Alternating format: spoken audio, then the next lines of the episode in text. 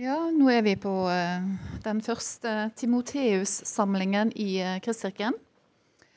Og eh, jeg skal da intervjue Stig Magne litt om hans forhold til Bibelen.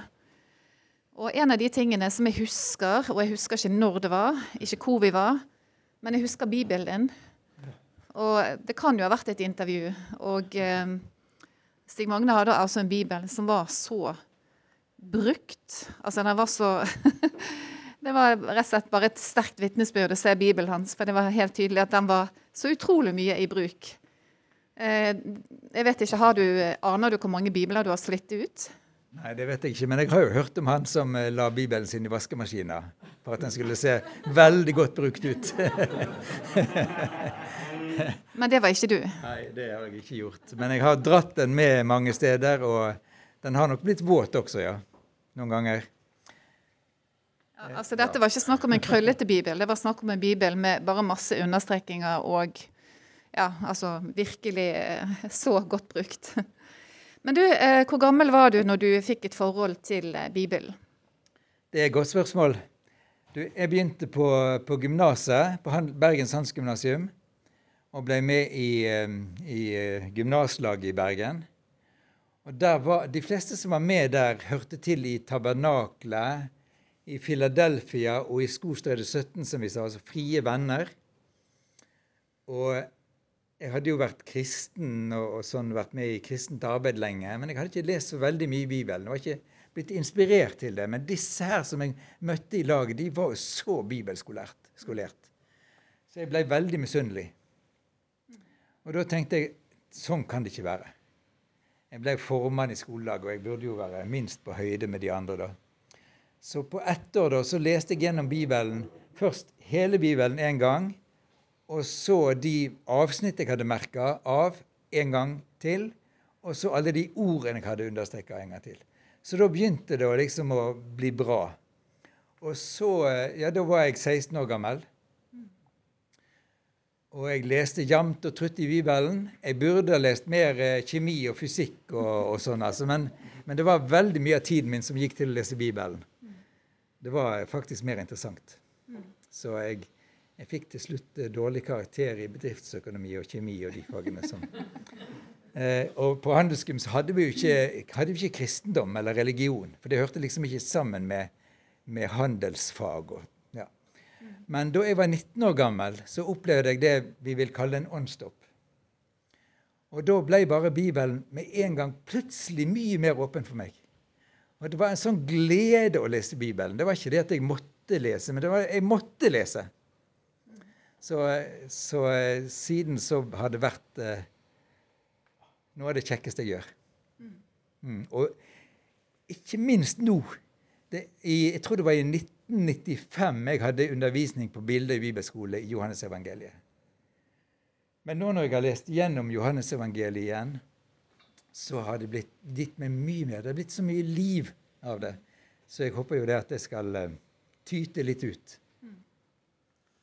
Eh, tre ord som kommer litt sånn spontant når du tenker på Bibelen. Hva tre ord skulle det være?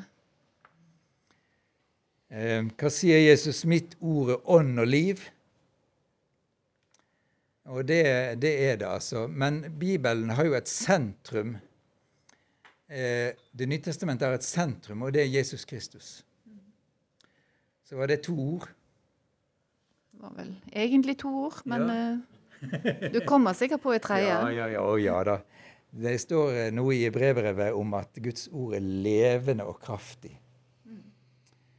Og det er det sannelig. Altså, jeg husker tilbake på da jeg var veldig aktiv i evangelisering ute på gatene òg. Veldig mange ganger så bare brukte ikke mine egne ord, jeg bare siterte Johannes 3, 16. Og jeg husker hvordan det mange ganger bare gikk rett inn i menneskers liv. For så høyt har Gud elsket verden. Så Guds ord er levende og kraftig. Men hvordan leser du Bibelen? Oi. Um, da jeg begynte å lese Bibelen, som sagt, så leste jeg gjennom hele Bibelen. Og så leste jeg avsnitt og lærte dem, og jeg leste enkelte vers. Nå er jeg snart 70 og har ikke samme kapasitet til å lese så mye. Men det står noe i Salme 1 om å grunne på Herrens ord dag og natt. Så det er blitt mye mer av det. altså Jeg kan lese et avsnitt, et enkelt ord, og så grunner jeg veldig mye på det. Enten jeg går på tur, eller jeg ligger i senga, våkner klokka fire om morgenen. Eller er det natt, forresten? Eh, natt ifølge helsestasjonen. Gru, ja vel. Å grunne på Herrens ord. Og så er det jo herlig å få lov til å være i bibelgrupper og sånn, da. F.eks. sammen med, med, Ragnar her og, og, flere med. Og så samtale om Guds ord. Og så har den gleden Jeg tror at jeg lærer veldig, veldig, veldig mye av Guds ord når jeg forbereder meg til forkynnelse. Mm. Men Kan du nevne en gang der du opplevde kraften i Guds ord? Ja, som sagt så har jeg opplevd det i dette med å dele vitnesbyrd og sitere Johannes 3, 16. Mm. Og så har jeg opplevd det veldig mange ganger at Guds ord taler til mitt liv og liksom åpner opp det er et lys som skinner over livet mitt. Mm. Så det er veldig mange ganger jeg også har eh, opplevd dette som uh, står nå i prologen i Johannes-evangeliet, nåde og sannhet.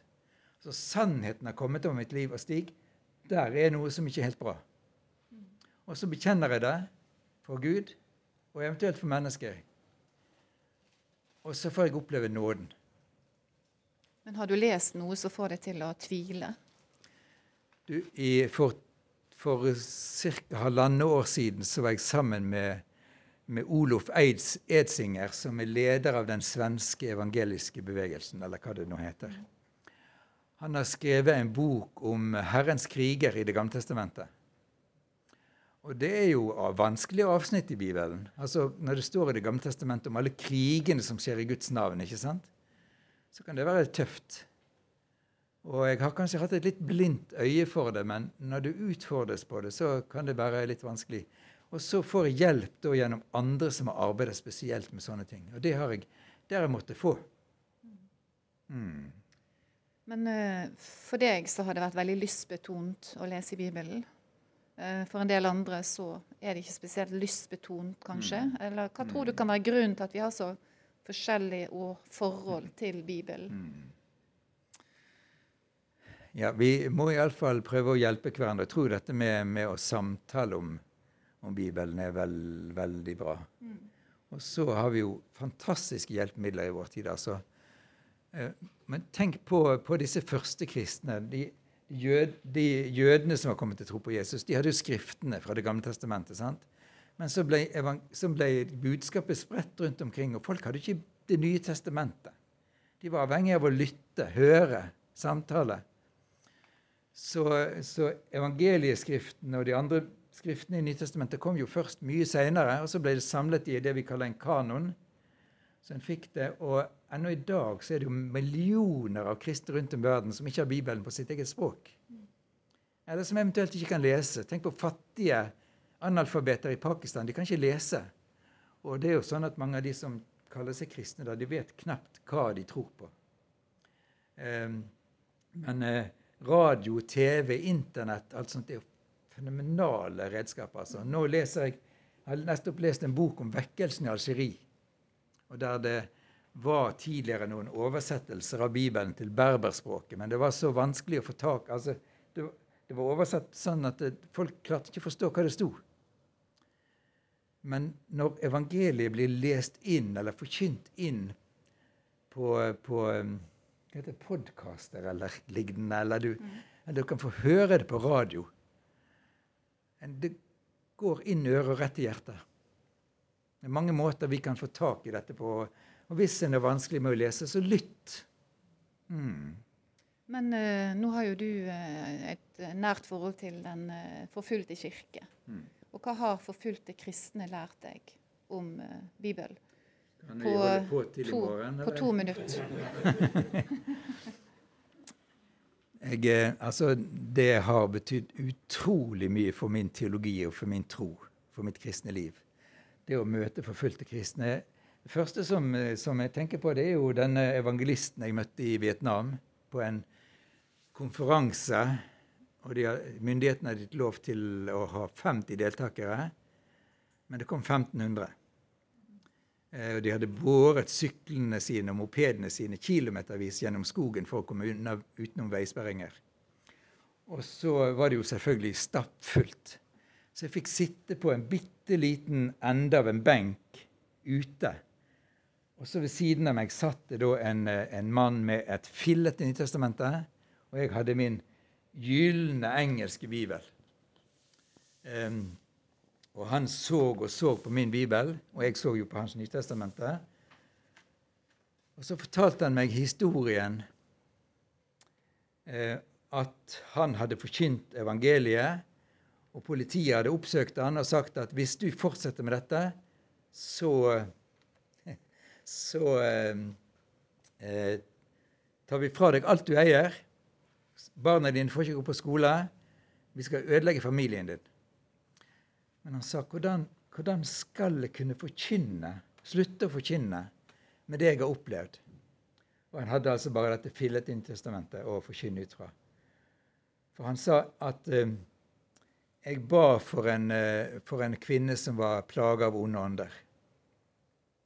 Hun ble satt fri, og som resultat av det så var det 300 andre kvinner som ble frelst. Hvordan skal jeg kunne slutte å forkynne? Og der satt han med dette bare fillete Nyttestamentet, tenkte jeg. Jeg visste det. Jeg skulle jo gi fra meg den Bibelen.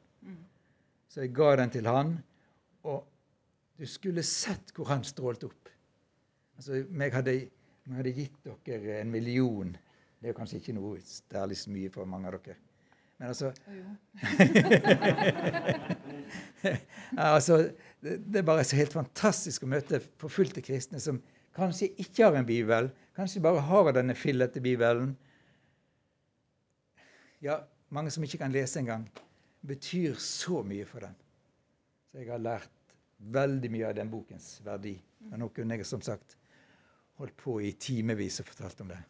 Du, Bare et siste spørsmål. Hva håper du skal komme ut av eh, Timoteus? Nå hørte vi en veldig flott sang her, og jeg satt og tenkte når vi når vi er kommet et stykke ut, så er vi nede i, nede i salen. Og så hører vi Hendels Messias på orgel og fullt orkester eh, i lovsang og tilbedelse. Når vi kommer til klagesangene, eller hva det nå er. Nei, altså, Så jeg tenker jo sånn som Oddvar leste her. Vi har fått overgitt noe i denne boken her. Det er jo et utrolig budskap. Altså, når jeg har arbeida med hinduer og muslimer og jøder og buddhister og ateister. tenker på når jeg sto på stand på, på Universitetet i Oslo for Oslo kristne studentlag, og rett ved siden av oss sto ML-erne. Altså de røde. sant? Hva var det de hadde, egentlig? De var jo så ivrige for det de hadde. Men hva var det? Det har ødelagt verden. Og her står vi med verdens beste budskap, som setter både mennesker fri og forandrer nasjoner. Så jeg ser for meg at vi får noe fra dette som virkelig ja, Jeg sier ikke at vi ikke er i brann, men altså litt mer i brann. Og så vi får lyst til å dele med andre. For det brenner i oss. Ikke bare får lyst til det, men det er der. Det bare brenner. Og så um, blir de som da får det fra oss, de blir også satt i brann. Så de går til sine, og så bare sprer det seg utover. Det er, det er min drøm. Mm. Takk skal du ha. Vi gleder oss til å høre deg. Da har jeg bare lyst til å si